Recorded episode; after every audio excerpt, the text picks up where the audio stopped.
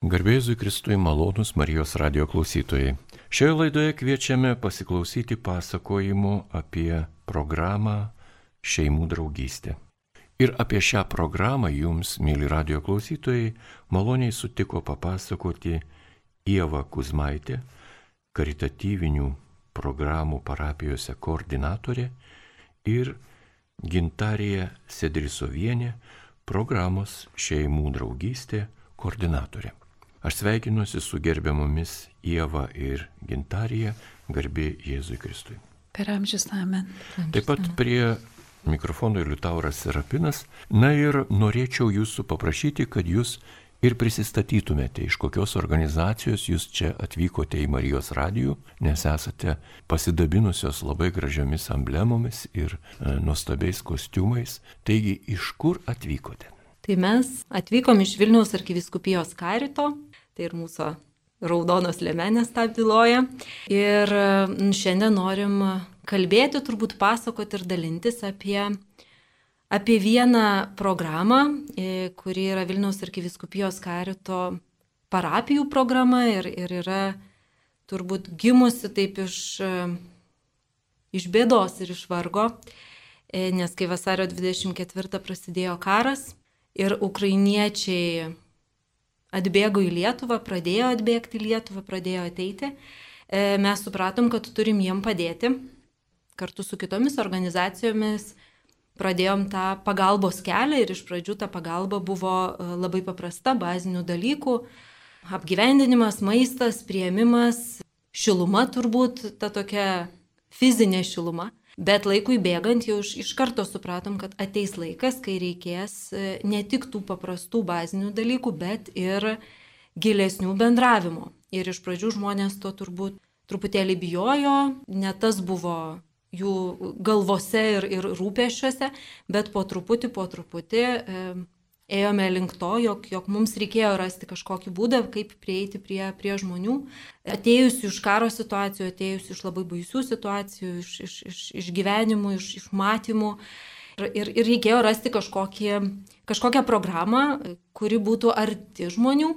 Ir tada buvo lyg ir aišku, kad, kad reikia artumo ir reikia draugystės. Ir tą supratom, kad galim daryti per parapijas, per per bendruomenės, per, per bendruomenių žmonės, kurie, e, kurie labai turbūt e, atvirai atsivėrė šitai programai ir jau iš karto norėjo pagelbėti ukrainiečiam bet kokiais būdais.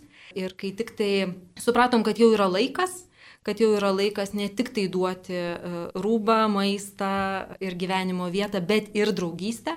Tai nusprendėm organizuoti tokią šeimų draugystės e, programą, kur ukrainiečiai draugauja su lietuviais, su parapijų šeimomis. Ir tada neturėjom darbuotojo dirbančio su, su šia programa, bet buvo aišku, kad vieni su savo pajėgom to padaryti nebegalėsim ir pradėjom ieškoti žmogaus, kuris būtų atsakingas už šitą programą. O nepaslaptis, kad kai, kai, kai karas prasidėjo, tai, tai labai daug žmonių norėjo savanoriauti, norėjo ateiti, norėjo pagelbėti ir, ir gintarija buvo viena iš jų kurie atėjo prisidėti taip, kaip tuo metu galėjo ir taip, kaip mums reikėjo. Ir, ir, ir pažinus, praleidus ilgesnį laiką toj savanorystėje, e, pagalvojom, kad galbūt gintarija galėtų būti žmogus, kuris draugautų su ukrainiečiais ir ne tik draugautų, bet ir e, koordinuotų e, šeimų draugystės programą. Ir tada po žingsnelį žingsnelį ėjom, ėjom ir prieėjom iki to, kokie ir kokia šita programa yra šiandien. Tai gintarė gal galėtų plačiau apie pačią programą papasakoti, nes verda ir yra tame kiekvieną dieną ir turbūt ir kiekvieną vakarą ir kiekvieną savaitgalį, nes tikrai neapsiriboja šita programa vien tik tai darbo metu, nes tai yra žmonės tiek, tiek ukrainiečiai, tiek savanoriai. Truputėlį pasidalinsiu, kaipgi viskas vyko. Pati pradžia buvo, kad mes siuntėme Vilnius arkiviskupijos parapijoms laiškus klebonams ir kunigams. Tai buvo balandžio mėnuo su kvietimu ir ten įdėjome programą, kokie rėmai bus ir ką mes mastome, kaip pradėti judinti parapijas ir lietuvių šeimas esančias parapijose.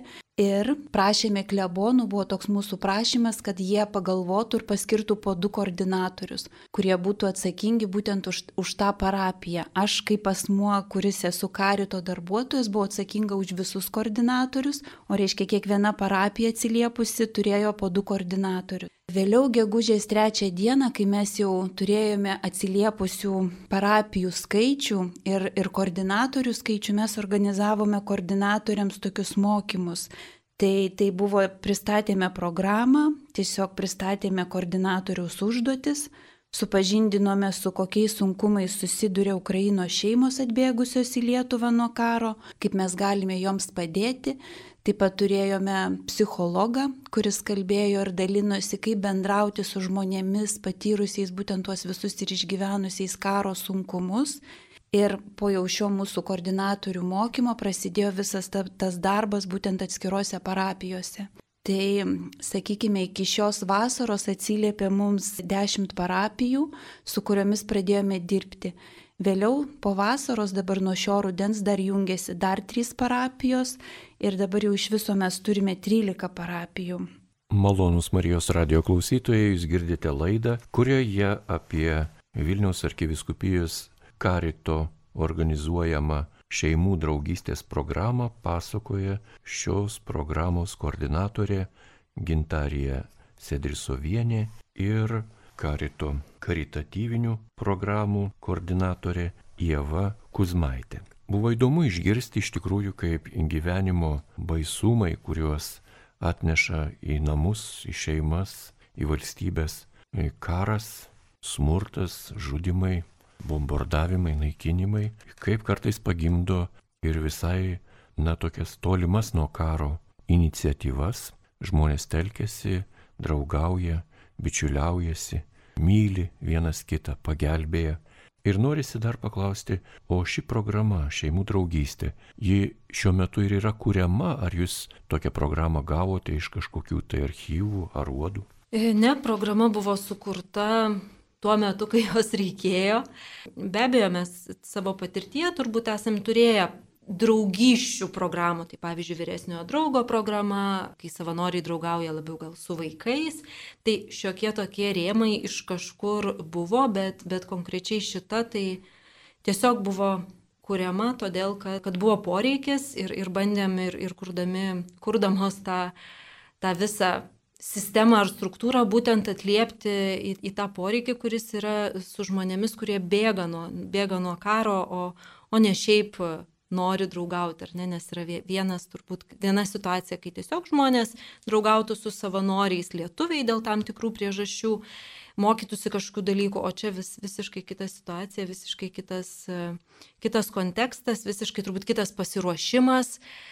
Iš kitos pusės turbūt svarbus yra ir pasiruošimas, bet yra ir labai svarbi ta tokia širdies vedimas ir tas tikrumas, nes žmonės nori kito žmogaus ir, ir, ir kito, kito asmens šalyje, kurios nepažįsta, kurios kalbos nežino, kurio, na, žodžiu, daug, daug dalykų, kurie, kurie yra tokie visai nepažįstami. Tai programa buvo, buvo kuriama nuo, nuo nulio, remiantis tiesiog kažkokiom nuogirdom ir, ir žiniom, kurias turėjom, bet, bet iš principo tai taip. Šioje vietoje aš norėčiau įterpti tokį šalutinį klausimą, kuris sąžiningai gyvenantiems žmonėms vis tiek jisai kyla natūraliai.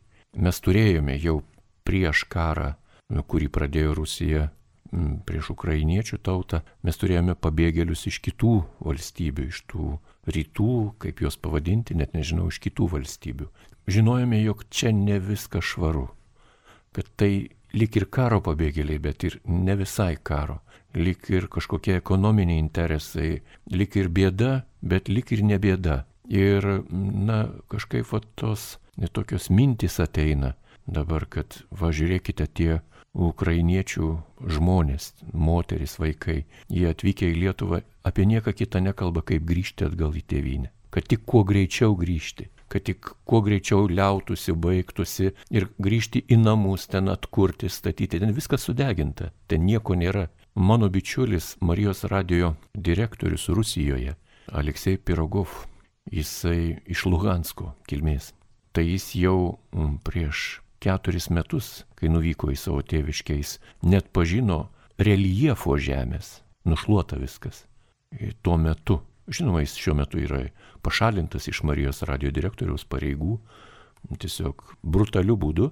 Ir prieš, e, prieš tokius demokratinius žmonės, prieš bet kokias pažangos, sakykime, informavimo priemonės, ta valstybė kariauja nuožmiai ir, ir labai, labai griežtai ir labai galutinai kariauja. Nėra jokios susitarimų ar kapitulacijos galimybės. Yra arba mirtis, arba nemirtis. Ir mes matome tai, kad ukrainiečiai nori grįžti atgal. Tai gal jūs galėtumėt pasidalinti tą ukrainiečių intenciją, kaip jie, kaip jie priima lietuvių tautos gerumą ir ką jie kalba ir jie turi kalbėti, nes jie nori grįžti namo.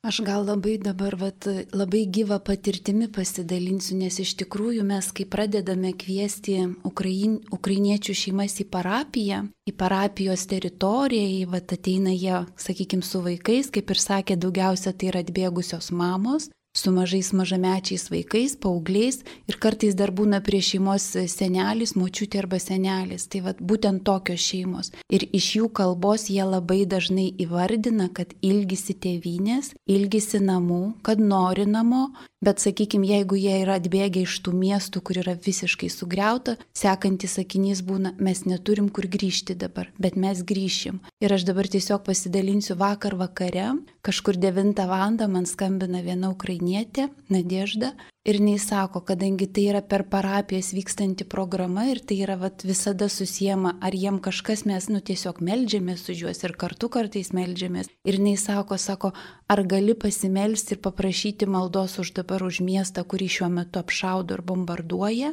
Pradėjus jai kalbėti juntama yra, kad reba balsas, kad, kad, kad jinai labai pergyvena, sakau, ar yra ten kažkas iš artimųjų, taip sako, yra vyras. Ir iš tikrųjų, vat jos tos moterys, kai kalba, kad netgi tie vyrai jų, jie yra pirmoje zonoje, pirmose, vat, nu, kaip sakyt, apkasuose, kaip jie vardina. Ir, ir tas, vat, jų rūpestis ir, ir tas prašymas maldos, tas pasitikėjimas ir, ir aš vakar kažkaip vakarė mes taip ir sukalbėjom ir toks labai palėtė giliai širdį, kad kažkaip pabaigus pokalbį ir pravirko tada, kažkaip aš jau pabaigus pokalbį sakau ramios nakties. Jis sako, mes nebelinkim ramios nakties, mes sako, dabar jau linkim tylios nakties. Ir aš paskui taip ilgai dar ir mačiau, vadinasi, tos palinkėjimas tylios nakties, tai kad nebūtų apšaudimo, nebūtų bombardavimo. Ir tos moterys, jos vat, su ta visa, vat, su tuo svoriu jos gyvena čia Lietuvoje, Jos dar turi jėgų dirbti ne per vieną, per du darbus, jos turi jėgų vaikus atleisti į mokyklą, rūpintis, jos turi jėgų kažkaip palaikyti tą viltį, šviesą, tokia, žinokit, ir dar yra ir šypsena, ir juokas, ir, ir tas toksai vad bendravimas, turi jėgų dar ir mums padaryti kažkokiu, mes tikrai vad turėjom tokią nuostabų dalyką, kad jie taip norėjo mus, mes kadangi karitas padedam labai daug duodam. Jie norėjo mums irgi kažką, tai jie ar piragą iškepa, ar mums pietus pagamina. Vadinasi, tas toksai ne tik imti, bet ir duoti, dalintis tuo, ką jie geba ir gali. Ir vat sakysim, tas visas jautrumas žmonių, ta, ta visa sunki situacija. Ir vat, kadangi šita programa jau vyksta kažkur apie pusę metų, yra labai daug šeimų ir žmonių ir, ir vat, aš, kadangi labai arti esu jų visų, mačiau, kad po kokių trijų, keturių vat, mėnesių tos moteris pradėjo lužinėti dvasiškai, emociškai. Ir pas mus vat karitė yra galimybė tikrai psichologą, psichologą jiems pasiūlyti, vat, nes, nes jos sako, pavargau, sunku, ilgiuosi. Ir tas vat rūpestis, tas ten ir vyresni sūnus, ir vyrai kare yra. Noriu atliepti jums, tikrai turiu pažįstamų žmonės, kurie gyvena kaimelyje, ne mieste, ne didmestį, kaime. Ir ta šeima yra prieimusi 17 ukrainiečių į savo namus. Tai tų namų šeimininkė tam tikrų metų miegodavo skalbykloje, ten kur skalbimo mašinos stovi, reiškia mažam kambarėlį pasiklodavo čiūžinėlį ir visą namą ir vieną ir antrą namą gyvenamą užleido trim ar keturiom šeimom, kurios tikrai jos komunikuoja, jos dirba, ieško darbo, vaikai mokosi ir taip toliau bendrauja, dirba. Ir vienoje iš tų šeimų buvo vyresnio amžiaus močiutė, kuri, kaip ir jūs sakote, tas nuovargis jisai padaro savo. Tai tampa tas skausmas širdyje Ir po kiek laiko, po mėnesio, ta močiutė tiesiog vieną gražią dieną jinai išėjo pėščia atgal į Ukrainą. Vaikai ją pagavo prie netoli nuėjo, ten keletą kilometrų nuėjo, lengva kaime surasti kitą tautį žmogų. Bet ta močiutė tiesiog išėjo, tai yra toks skausmas ir toks noras. Ir Aš pasakoju šią istoriją lygindamas ją su tais pabėgėliais iš Azijos, kur atvyksta pas mus, arba iš Afrikos, ir jie nekalba apie tai, kad jie, kaip sakant, neteko girdėti, kad jie būtų iš kokių gerų namų išėję pėstute vėl atgal į tą Afriką. Yra skirtingi dalykai, kur yra manipulacijos ir kur yra tikras skausmas.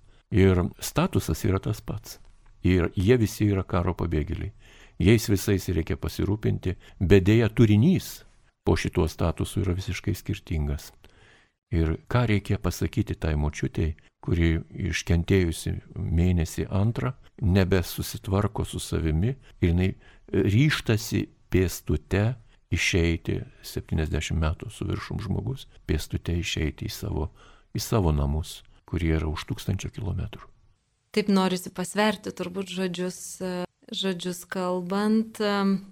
Pirmiausia, tai man atrodo, kad e, visi žmonės ilgisi savo, savo tėvynės ir, ir, ir, ir savo namų ir kiekvieni, ir vieniems, ir kitiems mes turbūt galim padėti, kaip tuo metu galim.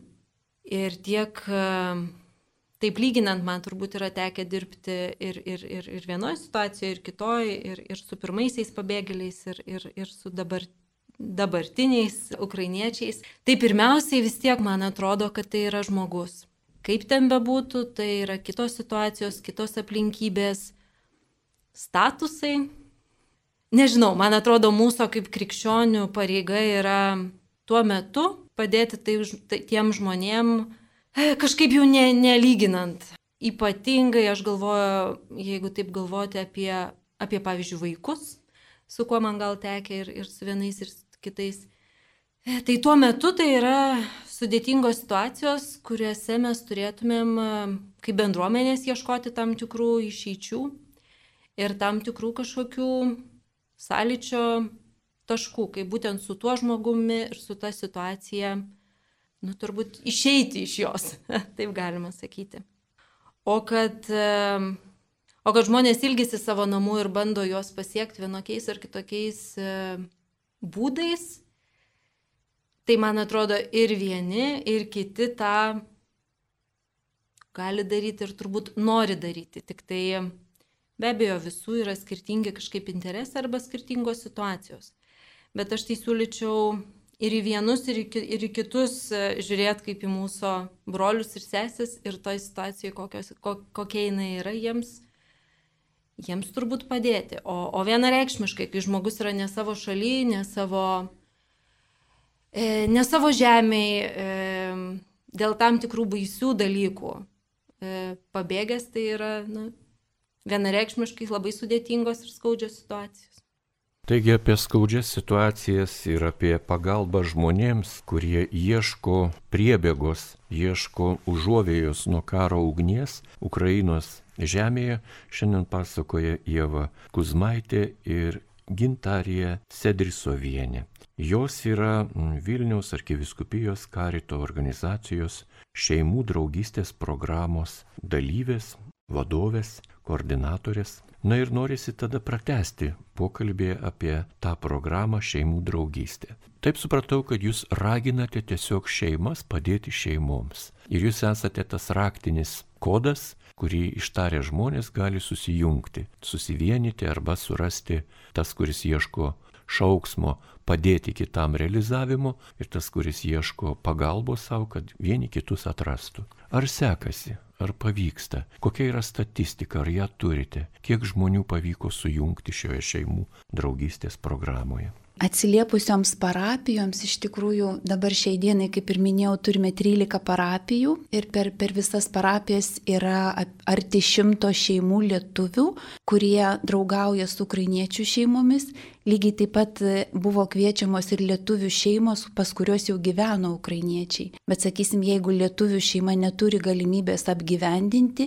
bet nori prisidėti tą pagalbą, santykių ir bendrystę, tai jie tiesiog jungiasi į tą programą kaip, kaip be, neprimdami gyventi, bet draugaudami su ukrainiečių šeimomis. Ir Prasidėjus programai, parapija, vat, atsiliepusi į šį mūsų skelbimą, į programą šeimų draugystė, tai būdavo pradedama parapijoje viešinti.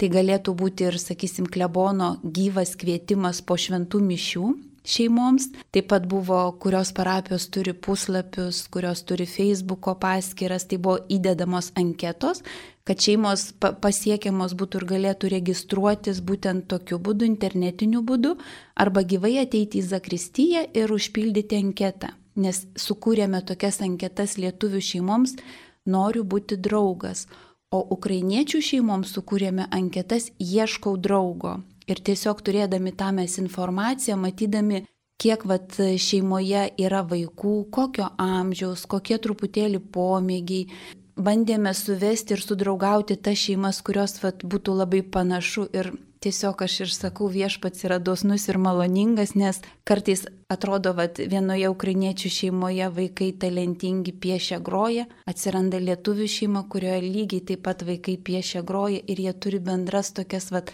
sąsajas veiklas. Ir vienas iš sunkumų gal buvo, kuris iškilo, tai yra užsienio kalba, nes mūsų jaunoji karta vaikai kalba angliškai, O ukrainiečių šeimos jos atbėgusios čia į Lietuvą, tėvai sako, mes supratom, kad mūsų vaikai angliškai kalba sunkiai, labai sunkiai arba netgi ir visai nekalba. Tai vad vėlgi tas ir tėvų buvo toksai, jeigu iš jų pusės buvo noras mokytis lietuvių kalbos, tai vad vaikam buvo tokia praktika, kad bendraujant su vaikais, paaugliais buvo ta, ta, ta užsienio kalba lavinama daugiau. Šią vasarą mane aplankė mano draugų šeima iš Europos, vienos iš centrinių valstybių. Ir žinoma, be pokalbio apie ukrainiečių tautos kovą už nepriklausomybę išsiversti buvo neįmanoma. Ir žinoma, pakrypo kalba apie pabėgėlius.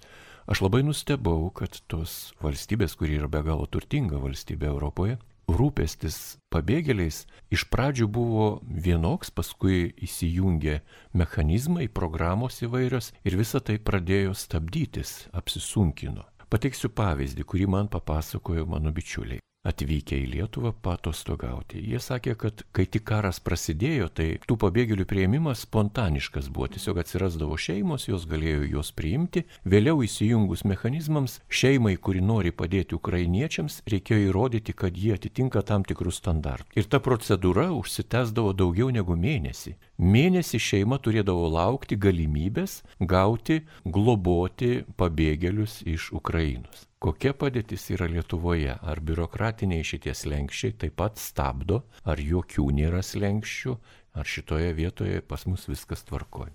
Tai turbūt galim pasidžiaugti, kad pas mus biurokratinių stabdžių nėra. Ir, ir tikrai tas, gal ne, negalima sakyti spontaniškumas, bet uh, tiesiog taip kaip, kaip pradėjom, kaip, kaip sukūrėm tą savo tokią struktūrėlę, kurioje nėra turbūt jokios, jokios atrankos, kad štai ten gali, negali draugauti.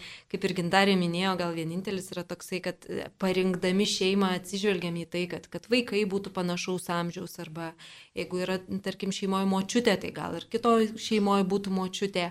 Bet kažkokių stabdžių, kurie pasikeistų ir būtų apsunkinantis, taip norėtųsi turbūt pasidžiaugti, kad, kad šiuo metu bent jau iš mūsų pusės e, nėra.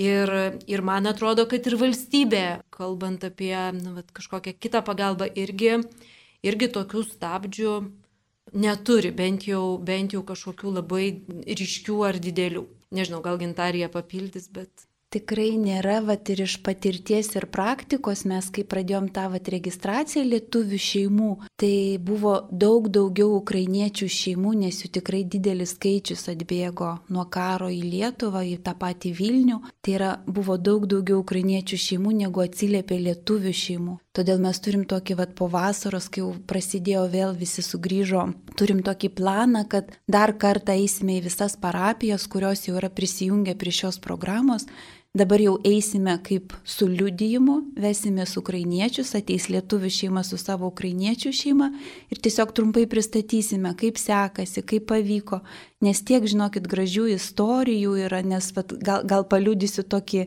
penkių vaikų šeima lietuvių pradėjo draugystę su ukrainiečių šeima, kurioje yra trys vaikučiai. Ir sakysim, jie vat kviečiasi tuos ukrainiečius pas save į namus Jie kartu kepa pizzas, sėdi, bendrauja, valgo, vaikai žaidžia ir paskui jau išeinant tas berniukas ukrainietis Miša ir sako, mama, sako, bet mes tik namuose Ukrainoje taip vėlai iš svečių išeidavom. Ir mes, kai organizuojam tuos jau tokius bendrus, vad draugauja lietuvių šeima su ukrainiečių šeima arba asmuo. Ir mes po to organizuojame tokius bendrus jau visų šeimų susitikimus parapijos erdvėje arba už parapijos ribų kažkokia veikla, išvyka. Ir jau ateina visi, visi lietuvių šeimos ir ukrainiečių vieni kitus pamato. Ir tas toksai, vad kaip sakyt, dar vykstant tam visam mūsų susitikimui, vaikai jau jie klausia, kada bus sekantis antiek yra svarbi ir ta tokia bendrystė, mažiukai jie labai greitai ir į tą santykį, ir ta toks žaidimas, truputėlį gal buvo vat, laiko reikėjo paaugliams, nes, nes jie kažkaip taip kažkaip šalčiau ir vat, lietuvių šeimos net ir kaip liudijo pačios mamos, sako, jeigu vat, įsitraukiant pradžioje į tą programą ir buvo tas paauglių toksai ar skeptiškumas, ar kas, bet ilgainiui einant matom, kaip ir tie vaikai atsiveria, suprasdami visą tą karo situaciją ir iš kokios sunkios situacijos tie ukrainiečių vaikai ateina. Ir matome, kaip jie dalinasi, tie, ties, tiesiog tai yra gra, gražūs pavyzdžiai ir dalykai, o patys va iš Ukraino žmonės, sakysim, paminėsiu tokį dar liudymą gyvą, kad Vilniaus Kalvarijų Švento kryžiaus atradimo parapija turėjo čia sekmadienį tokį veiklų mugę. Tai mes ukrainietės lietuvės moterys ir ukrainietės moterys rinkomės prieš, prieš vakar anksčiau, kepėme piragus Ir paskui tos pačios ukrainietės, jas, jos dalyvavo veiklų mūgėje, buvo toks tendukas, ten plakatas buvo šeimų draugystės programos, jos pačios kalbėjo ir kalbino lietuvius ir kvietė prisijungti, nes tikrai raginčiau lietuvių šeimas atsiliepti šią draugystę, nes ukrainiečių šeimų yra žymiai, žymiai daugiau, žinokite. Ir tos pačios moterys jos su tokiu, su tokiu Taip gražu buvo net tiesiog ir stebėti su tokiu džiaugsmu ir liudijimu gyvu, kaip gerai, kai yra kažkas šalia, su kuo galima pakalbėti, pakalbinti, paskambina, paklausė tiesiog, kaip tau sekasi, kaip ši savaitė, kaip vaikams mokykla. Jie laukia tiesiog. Labai įdomu jūsų klausytis yra, na ir norisi dar vieną klausimą laidos pabaigai užduoti. Didžioji dalis ukrainiečių atvykstančių į Lietuvą bėgančių nuo karo ugnies yra iš tų Ukrainos regionų, kuriuose vyrauja stačiatikių bažnyčia, ne katalikų. Kaip šitie žmonės žiūri į mus katalikus, gi mes puikiai žinome, kad stačiatikių bažnyčia labai radikaliai priešiškai yra nusiteikusi prieš katalikybę Rusijos teritorijoje. Sakykime, na, tikėjimas jis yra stačiatikių, o mes esame katalikai. Tai vad kaip tas bendradarbiavimas arba buvimas kartu tarp konfesinis arba tarp tikybinis, katalikai ir stačiatikiai, ar sutarė, ar kelia kokius klausimus, ar domisi, ar ta tema visai stengiasi nekalbėti, neliesti, galbūt jinai yra įtempta. Kaip yra? Ta tema tikrai yra liečiama, nes jie yra kviečiami į parapijos teritoriją ir erdvę. Ir sakysim, pirmasis susitikimas šeimų jau būna bendras tas susitikimas šeimų visada būna parapijoje. Jie ateina ir, ir per tą vat ilgesnį laiką, jeigu pradžioje tos temos ir tie pokalbiai yra neliečiami, tai sakysim, bėgant laikui jie vis tiek bendrauja su tikinčiais katalikų šeimomis tikinčiomis. Jie žino, kad vat, prieš susirinkimą mes visi einame į mišes. Jie, jie mato tą visą ir labai dažnai vat, ta, ta visa mūsų bendrystė ir pagalba, jie, jie paskui pradžioje mes niekas nieko nekalbam. Bet paskui jie klausė, jūs esate tikintis, nes tas mūsų elgesys ir mūsų visas parodomas gerumas, toksai jie, jiem kažkaip ta žinutė ateina. Ir vad kaip jau dabar ir dalinausi, jie žino, kad mes melžiamės, susirga jų vaikai, mes melžiamės, kad jie pasveiktų. Dabar vad kaip ir liūdėjau laidos pradžioje, kad skambino vakare ir prašė maldos. Vadinasi, tos vad konfesijų skirtumai ir, ir tie visi dalykai mes tiesiog to neakcentuojam, bet akcentuojam tą daugiau gal tą vat, santyki, bendrystę ir tas mūsų buvimą žmogus žmogui, širdis širdžiai. Ir jeigu yra sunku ir poreikis, malda yra apjungianti mus visus. Tai jau, jau aštuntas mėnuo, kaip vyksta karas ir dėja, bet mes Lietuvoje nepastebime vieno labai trokštamo tokio įvykio, kad vat šalia esančios parapijos, kad ir čia prie Marijos radijo yra ir katalikų bendruomenė, ir rytų apieigų katalikų bendruomenė, ir stačiatikių bendruomenė. Ir mes žinome, kad visos jos kažkaip bando padėti tiems karo pabėgėliams ir taip toliau, bet tarpusavyje ryšio nėra. Bendrų renginių nėra. Norėtųsi, kad būtų, nes esame tikinti žmonės, mes nekariauti čia susirinkę esame ir gyvename ne dėl to, kad vienas kitam, kaip sakant, padarytume kažką blogo ar linkėtume kažko negero. Norisi, kad tas tikinčių žmonių vieningumas prieš blogį, prieš smurtą pasireikštų kažkaip bendrai kartu. Deja, to nėra. Ir manau, kad ne vien Lietuvos sostinėje, bet taip pat nėra ir Klaipėdoje, kur yra didžiulė stačiatikių bendruomenė, ir kitokiuose mažesniuose miesteliuose. Deja, šis procesas nevyksta. Esame vis dar susiskaldę. Na, o jums tikrai labai dėkoju už tokį gražų pristatymą to, ką jūs darote kasdien. Ir ši programa šeimų draugystė yra tikrai nuostabus dalykas, kuris bus įrašytas turbūt amžinybės raidėmis danguje ir ką jūs pabaigai šios laidos palinkėtumėte tiems, kurie ieško, kurie bando padėti, kurie bando rasti pagalbą. Tai turbūt tie, kurie nori padėti, tai pakviešiau ir palinkėčiau prisidėti tiesiog, nes dabar nebepamenu jau, kas, kas pasakė šitą mintį, bet kažkaip man jinai vis vis mane lydi ir vis yra įstrigus, kad kai, kai kas nors nutinka, labai daug žmonių nori prisidėti ir padėti, bet paskui žmonės pavarksta. Ir mes, e, kaip karitas, kaip parapijos, kaip bendruomenės, turėtumėm būti tie, kurie, kai visi pavarksta, nebepavarktumėm. Ir kai visi jau pasiduoda ir sako mums gana, mes nepasitrauktumėm nuo tų žmonių. Tai, tai aš labai linkėčiau, kad e, kad kuo daugiau žmonių išgirdę šitą laidą, išgirdę klebonų kvietimą, išgirdę kito parapijiečio liudijimą, ateitų, prisijungtų ir, ir pajustų tą, tą bendrystę ir draugystę. Ir, ir čia tikrai nėra apie tai, kad tik mes duodam ukrainiečiams, ar tik mes duodam žmonėm, kuriem reikia tuo metu pagalbos. Čia yra apie tai, kad ir mes gaunam, kai duodam. Tai, tai linkiu nepavarkti ir prisijungti. Mus e, galite rasti Vilniaus arkiviskupijos e, karito tinklapyje, taip pat Facebook'o paskyroje. Ir e, jeigu norėtumėte prisijungti prie šitos programos savo savo parapijose, taip pat galite ieškoti informacijos ir parapijų Facebook'ose bei parapijų tinklapiuose. Ir tos parapijos, kurios yra jau prisijungusios prie programos, tikrai tokią informaciją turės, o norint e, prijungti parapijas, kuriuose galbūt dar nėra šitos programos, tai kviečiam kreiptis į gintariją. Mūsų elektroniniu paštu gintarija.sidrisovienė eta vilnius.karitas.lt arba bendruoju kokiu nors mūsų uh, paštu, kurį galite rasti mūsų puslapyje ir, ir, ir ten taip pat atsakysim ir nukreipsim. O jūs, gintarė, ką palinkėsit? O aš tiesiog užbaigsiu, nes dabar sėdžiu Marijos radio studijoje. Po šios vat, įrašo tiesiog aš atsikelsiu, važiuosiu į Vilniaus Kalvarių Švento kryžiaus atradimo parapiją, sėsiu už mikroautobusiuko vairo, susirinks 12.30 mūsų pulkas lietuvių šeimų ir ukrainiečių šeimų. Tai vat mikroautobusiukas ir plus keli automobiliai mes kartu važiuosime skinti aviečių tai bus mūsų bendrystės laikas ir paskui kepsim piragus. Tai aš ir galvoju, kad šios programos visas toksai gėris ir džiaugsmas yra tas testinumas. Tai yra šeimos, kurios pradėjo draugystę, net yra liudijimų, kad, sakysim, šiai dienai jau ukrainiečiai išvažiuoja į Ukrainą, bet jie ir toliau bendrauja su lietuvių šeima, su kuria čia susipažino ir susidraugavo.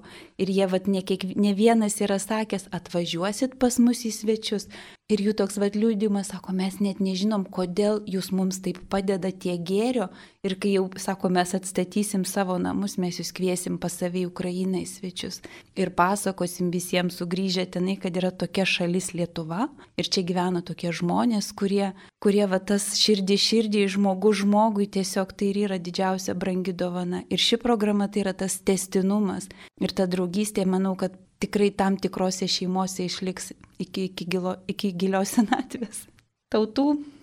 Labai dėkoju Jums už, už tokį liudijimą ir tokį įstabų darbą, kurį jūs atliekate savanoriškais pagrindais, turbūt daugiausia, ir, žinoma, telkėte taip pat savanoriškam darbui daugybę kitų žmonių šalia esančių ir Marijos radijas tegul būna tas instrumentas, kuris viešina šią iniciatyvą ir duoda informaciją, duoda žinę apie šią iniciatyvą ir mes tikrai kviečiame visus, kurie yra nebejingi, prisijungti prie nuostabaus darbo, padėti tiems, kurie šiuo metu patiria karo siaubą ir yra deginami karo ugnies.